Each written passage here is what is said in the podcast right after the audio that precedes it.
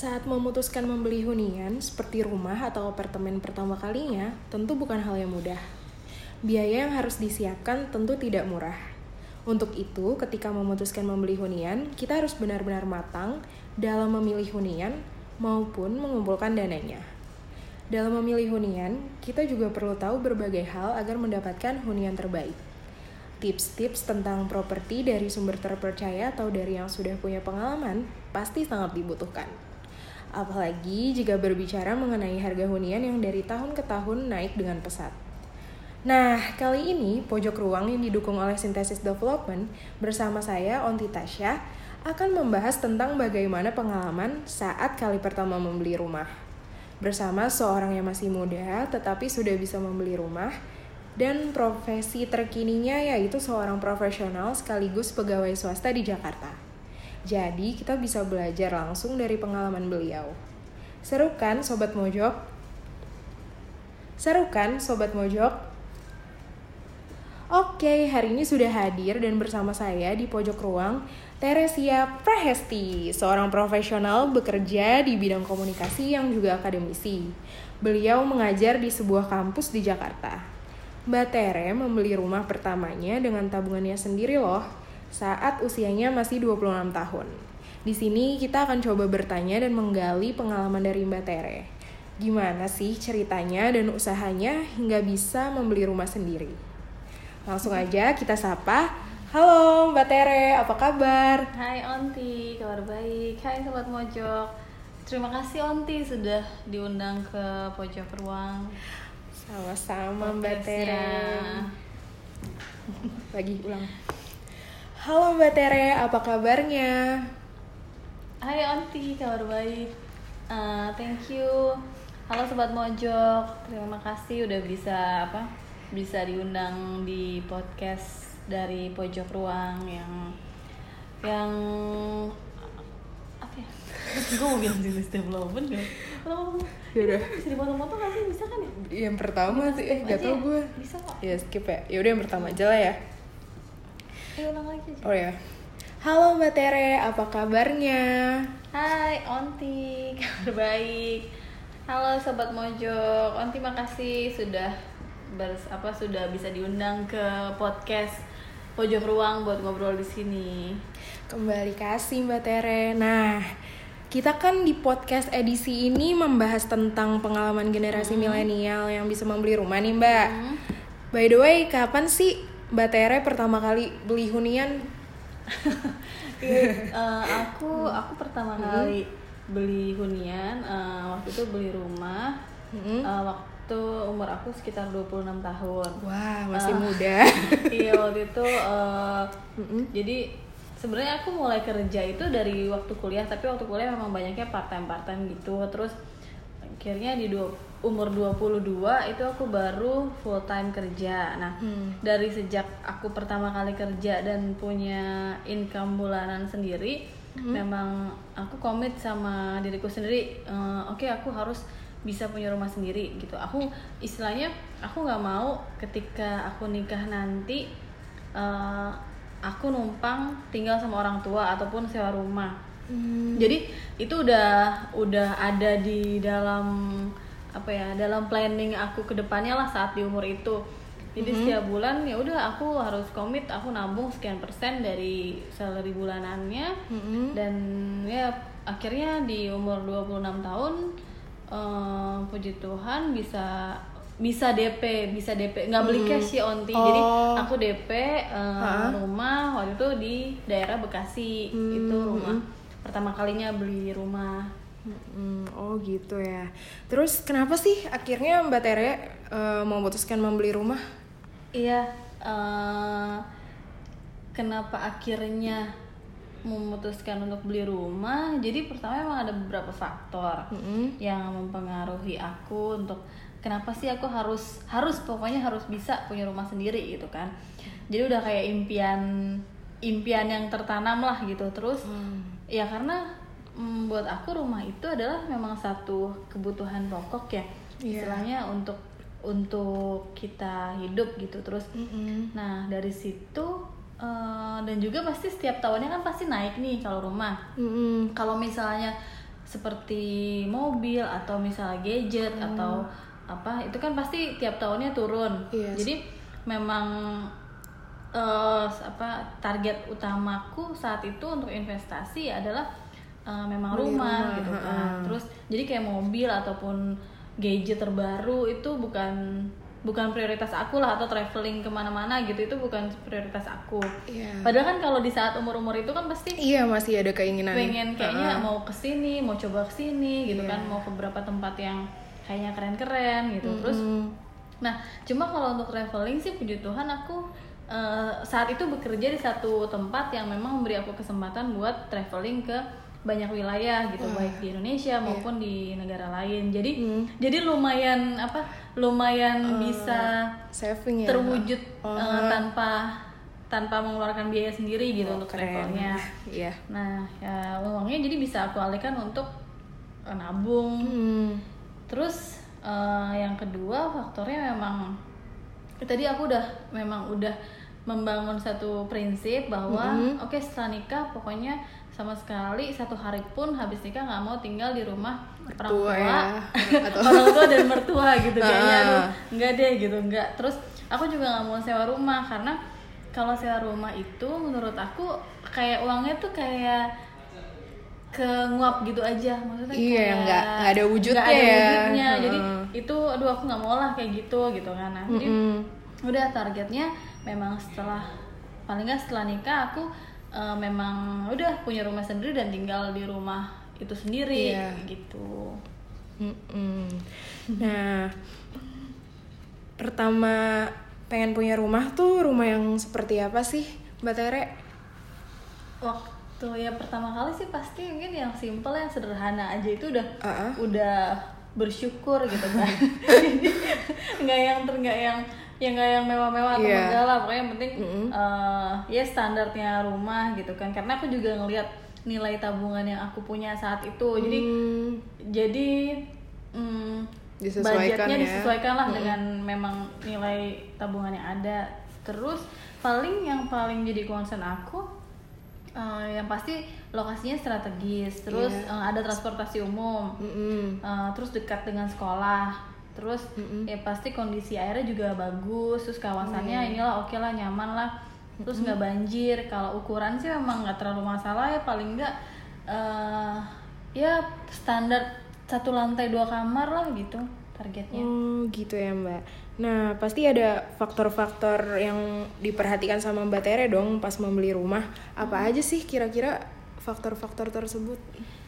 Eh, faktornya kan saat itu aku juga sadar ya budgetnya eh, cukup terbatas jadi Iya. nggak mungkin lah punya oke eh, dengan budget ini mimpinya punya rumah di eh, pusat kota di ya, Jakarta benar. dua lantai gitu Ah. kan aduh kayaknya nggak sampai ke situ jadi Hmm. waktu pertama kali beli rumah itu eh, yaudah dengan tabungan itu nilainya memang hanya sepertinya cukup untuk di bisa beli rumah di pilihannya itu antara Bekasi, Depok, Cibubur atau Tangerang lah gitu. Oh, pinggiran Jakarta ya. Iya pinggiran. Jadi ya nggak nggak kewujud lah kalau saat itu Mbak. nilainya untuk beli di Jakarta. Terus eh, inilah konsen paling kuat sih memang di budget sih. Jadi eh, targetnya adalah pokoknya budget tabunganku bisa aja buat DP. Terus selebihnya em, ya lokasi itu juga penting. Terus eh, mudah mudah dijang mudah apa ada ada banyak alternatif public transport. Terus Iya. eh, air juga bersih. Terus eh, keamanan terjamin. Maksudnya kawasannya eh, aku juga memang waktu itu pilihnya kawasan yang cluster. Mm-mm. Jadi jadi paling nggak tuh eh, lumayan aman Iya. gitu. Nah, s- taruh. nah pas punya keinginan eh, ingin punya rumah, nah pas punya keinginan beli rumah sendiri, apa sih yang KTR pertama? Hmm, salah KTR lagi. Nah, pas pertama kali punya keinginan punya rumah sendiri, apa sih yang Mbak Tere lakukan? Langkah-langkah apa gitu yang pertama? Yang pertama dilakukan? eh, yang dilakukan waktu yang pasti sih langkah pertama yang utama sih nabung ya nabung Iya. nabung nabung. pasti ya. jadi, eh, jadi eh, nggak macem-macem sih maksudnya nabung terus komit sisihkan gaji bulanan dialog yang memang jadi disisikan gaji memang untuk alokasinya ke investasi di rumah itu punya rumah. Terus ya kadang juga aku sambil apa eh, maksudnya saat itu juga aku ada beberapa tambahan selain gaji bulanan kayak ada usaha-usaha kecil juga. Sempet sempet kayak apa freelance freelance di freelance freelance di majalah gitu jadi ngirim tulisan. Ya untuk untuk nambah-nambah sih dari dari gaji bulanan itu Mantap. Nah, di mana sih Mbak Tere tuh nyari-nyari info, misal rumah dijual atau lokasi atau gimana tuh dari mana biasanya dapat info? sebenarnya infonya cukup banyak ya apalagi eh, dulu aja dulu kesannya udah lama banget ya. Dulu aja kayaknya. Jangan buka kartu dong. jadi waktu itu aja eh, saat itu lo informasi cukup banyak. Nah sekarang pun lebih banyak lagi sih menurut aku kalau aku sendiri sih waktu itu memang sering datang ke pameran-pameran properti. Jadi misalnya ada pameran di eh, JCC atau di di mana gitu aku biasanya datang. Terus ya udah eh, ambil-ambil brosur terus eh, coba tanya-tanya terus brosurnya dilihat-lihat. Terus kalau emang dilihat ada yang kira-kira klik gitu biasanya aku browsing tuh cari tahu dulu tentang rumah itu. Terus nanya-nanya juga ke keluarga. Misalkan eh, yang inilah yang Yang ada beberapa pernah. yang update-update Aha. mereka cukup update tentang properti nanya ke mereka. Terus juga eh, browsing juga di internet. Terus sering juga nih misalkan lagi di jalan gitu ya. Terus aku lihat ada spanduk tuh Oh, iya di pinggir-pinggir jalan kan Iklan-iklan suka ya, ada tuh iklan-iklan. Nah itu biasanya kalau eh, apa DP sekian atau rumah harga sekian yang aku kira oh nih kayaknya Masih nilainya ya. aku bisa nih. Heeh. itu biasanya aku eh, abis itu cari tahu tuh browsing ini nomor rumahnya. Mm-mm. gitu sih akhirnya eh, ya udah eh, lumayan ada beberapa alternatif saat itu terus terus ya setelah ini ada istilahnya udah browsing udah tahu Iya. aku langsung datang biasanya onti Oh, jadi survei lokasi gitu. Mm-mm, aku datang ke lokasinya eh, memastikan detail kawasannya terus eh, ya soalnya banyak juga misalkan kayak di di mapnya gitu kan kesannya kesannya deket nih Strategis ya. Heeh. Heeh, nggak taunya pas kita hampir kan kadang nggak eh, daerahnya kita belum familiar. Iya, eh ternyata lumayan jauh. Jadi emang harus Harus banget. kalau udah ada beberapa pilihan sebaiknya sih datang dulu. datang ke marketing galerinya ya. Nah, eh, beli rumah kan pasti butuh biaya nih Mbak Tere. Iya biaya apa sih berdasarkan pengalaman Mbak Tere yang Mbak Tere bayarkan waktu itu waktu membeli rumah? Eh, waktu itu kan aku pertama kali memang ambilnya KPR ya Heeh. Heeh, jadi em, yang dipersiapkan nih seingat aku eh, yang pasti adalah uang muka uang Iya, untuk DP. DP, rumahnya Mm-mm. ya itu sih udah wajib pasti di semua Iya. semua kredit properti ya pasti harus ada DP-nya terus eh, ada cicilan pertama cicilan bulan pertama itu Iya, Em, sama lah seperti kredit-kredit lain pasti cicilan pertama ini langsung. harus dibayarkan di pertama kali Iya. terus biasanya besarannya pun sama seperti cicilan-cicilan di bulan-bulan berikutnya sih Hmm, hmm. terus ada tuh yang namanya biaya provisi Apa tuh, Mbak? Eh, biaya provisi itu dalam setiap penarikan kredit apa pun itu ya eh, kita memang pasti dikenakan biaya provisi tahu aku sih biaya provisi ini eh, untuk apa untuk beberapa kayak mungkin mungkin marketing fee-nya tapi biaya provisi ini berbeda-beda sih tergantung total kreditnya Oh, infonya ya sekilas yang aku tahu itu semakin besar pinjamannya maka semakin kecil biaya provisinya Oh, tapi gitu. eh, tapi ini nanti kalau biaya provisi itu eh, bisa ditawar sebenarnya sih setahu Oh, aku enak. jadi Heeh, heeh. mungkin bisa bisa nego nilainya lebih turun gitu kan Hmm. Tuh Nah, waktu itu kan kondisinya Mbak Tere masih muda nih. Nah, masalah dana itu eh, sekarang juga masih eh salah salah ntar gue gue ulang. Ntar dulu. Nah, kondisinya kan waktu itu Mbak Tere masih karyawan biasa ya. Gimana sih akhirnya bisa terkumpul dana untuk bayar biaya-biaya tersebut? Eh, sekarang juga masih karyawan biasa sih Suka merendah deh. terus jadi eh, aku komit ya pasti aku komitmen ya aku nabung saat itu Eh, aku memaksakan diri pokoknya minimal sekitar 30% setiap bulan harus ditabung. Jadi habis gajian itu eh, 30% aku pindahin tuh ke Hmm, rekening ada lain. Jadi bikin aku khusus ya? bikin rekening tabungan khusus yang untuk nggak boleh diutak-atik. Terus eh, jadi ya istilahnya cukup aku eh, pokoknya lebih ke ya transport terus paling jajan gitu-gitu. Karena saat itu aku masih tinggal sama orang tua.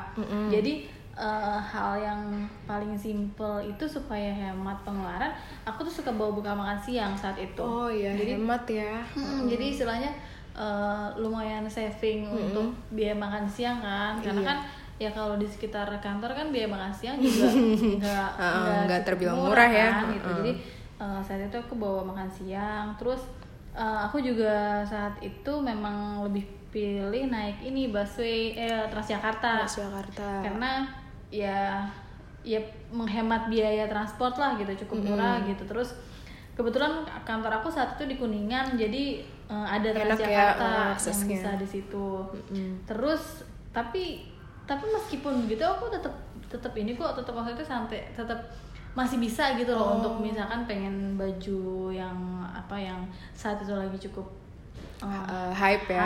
hype terus apa sepatu masih bisa. Asal asal komit sih masih Iya, bisa juga main sama teman-temanku asal Mm-mm.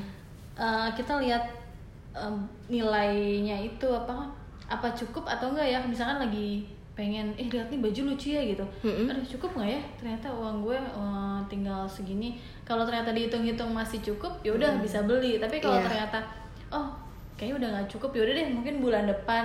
Jadi Lebih ke- inilah. Eh, ego. mengontrol rasa yang nggak perlu. Eh, jadi memilih prioritas dan ngontrol yang nggak perlu eh, ya udah mungkin nanti aja gitu bukan berarti nggak bisa Iya. kita beli abis itu udah hemat nggak boleh beli ini nggak boleh beli ini nggak juga sih lebih ke sadar diri juga ya Hmm, biar bener-bener. cepet uh, kelarnya bayar rumahnya. Nah, um, dulu. Nah, seperti yang Mbak Tere bilang tadi kan masih muda masih pengen beli ini, beli itu. Itu kendala apa sih yang dirasakan saat mengumpulkan dana tersebut kan pasti banyak rintangan ya. Iya. Eh, kendala sih enggak ya tapi lebih ke tantangannya sih Eh, jadi tantangannya itu mengendalikan diri Mm-mm.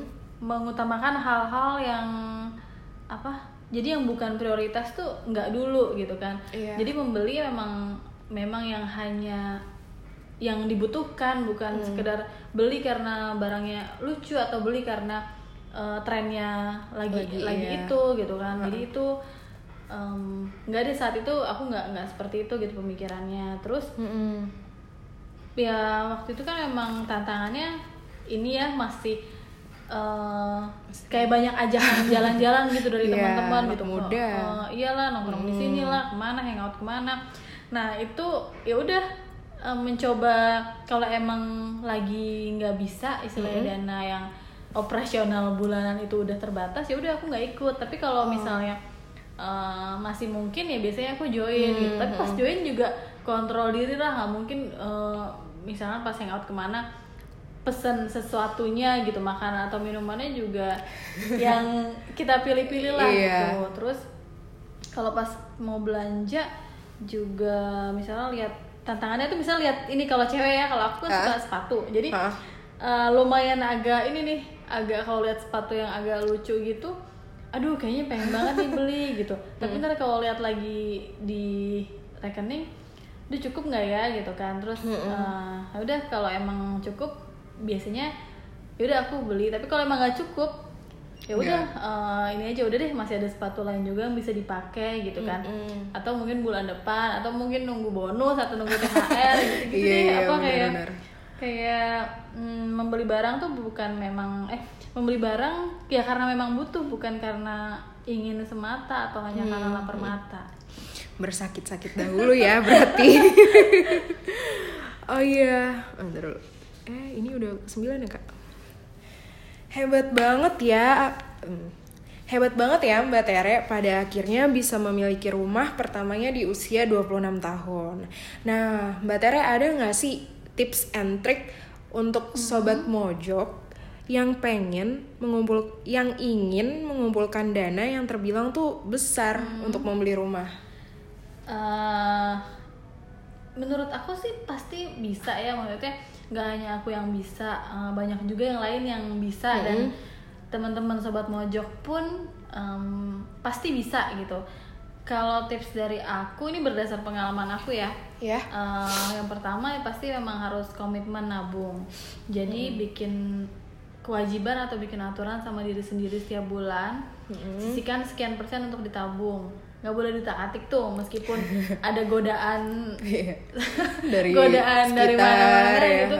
ya udah pokoknya nggak boleh di, di otak-atik ada dana yang eh, memang objektifnya buat misalnya kita mau DP rumah Mm-mm. jadi yang boleh diutak-atik ya udah dana yang lain aja Iya, gitu iya. kan terus eh, nggak perlu takut deh untuk ada rasa nggak boleh apa nggak bisa beli ini dong nggak bisa beli beli, Oh, beli iya. baju model terbaru dong atau atau nggak bisa hangout sama teman atau nggak bisa ngopi-ngopi atau nggak bisa beli boba kalau sekarang Waduh, iya, iya, Ya, boba. terus nah eh, itu nggak perlu takut kayak gitu karena Mm.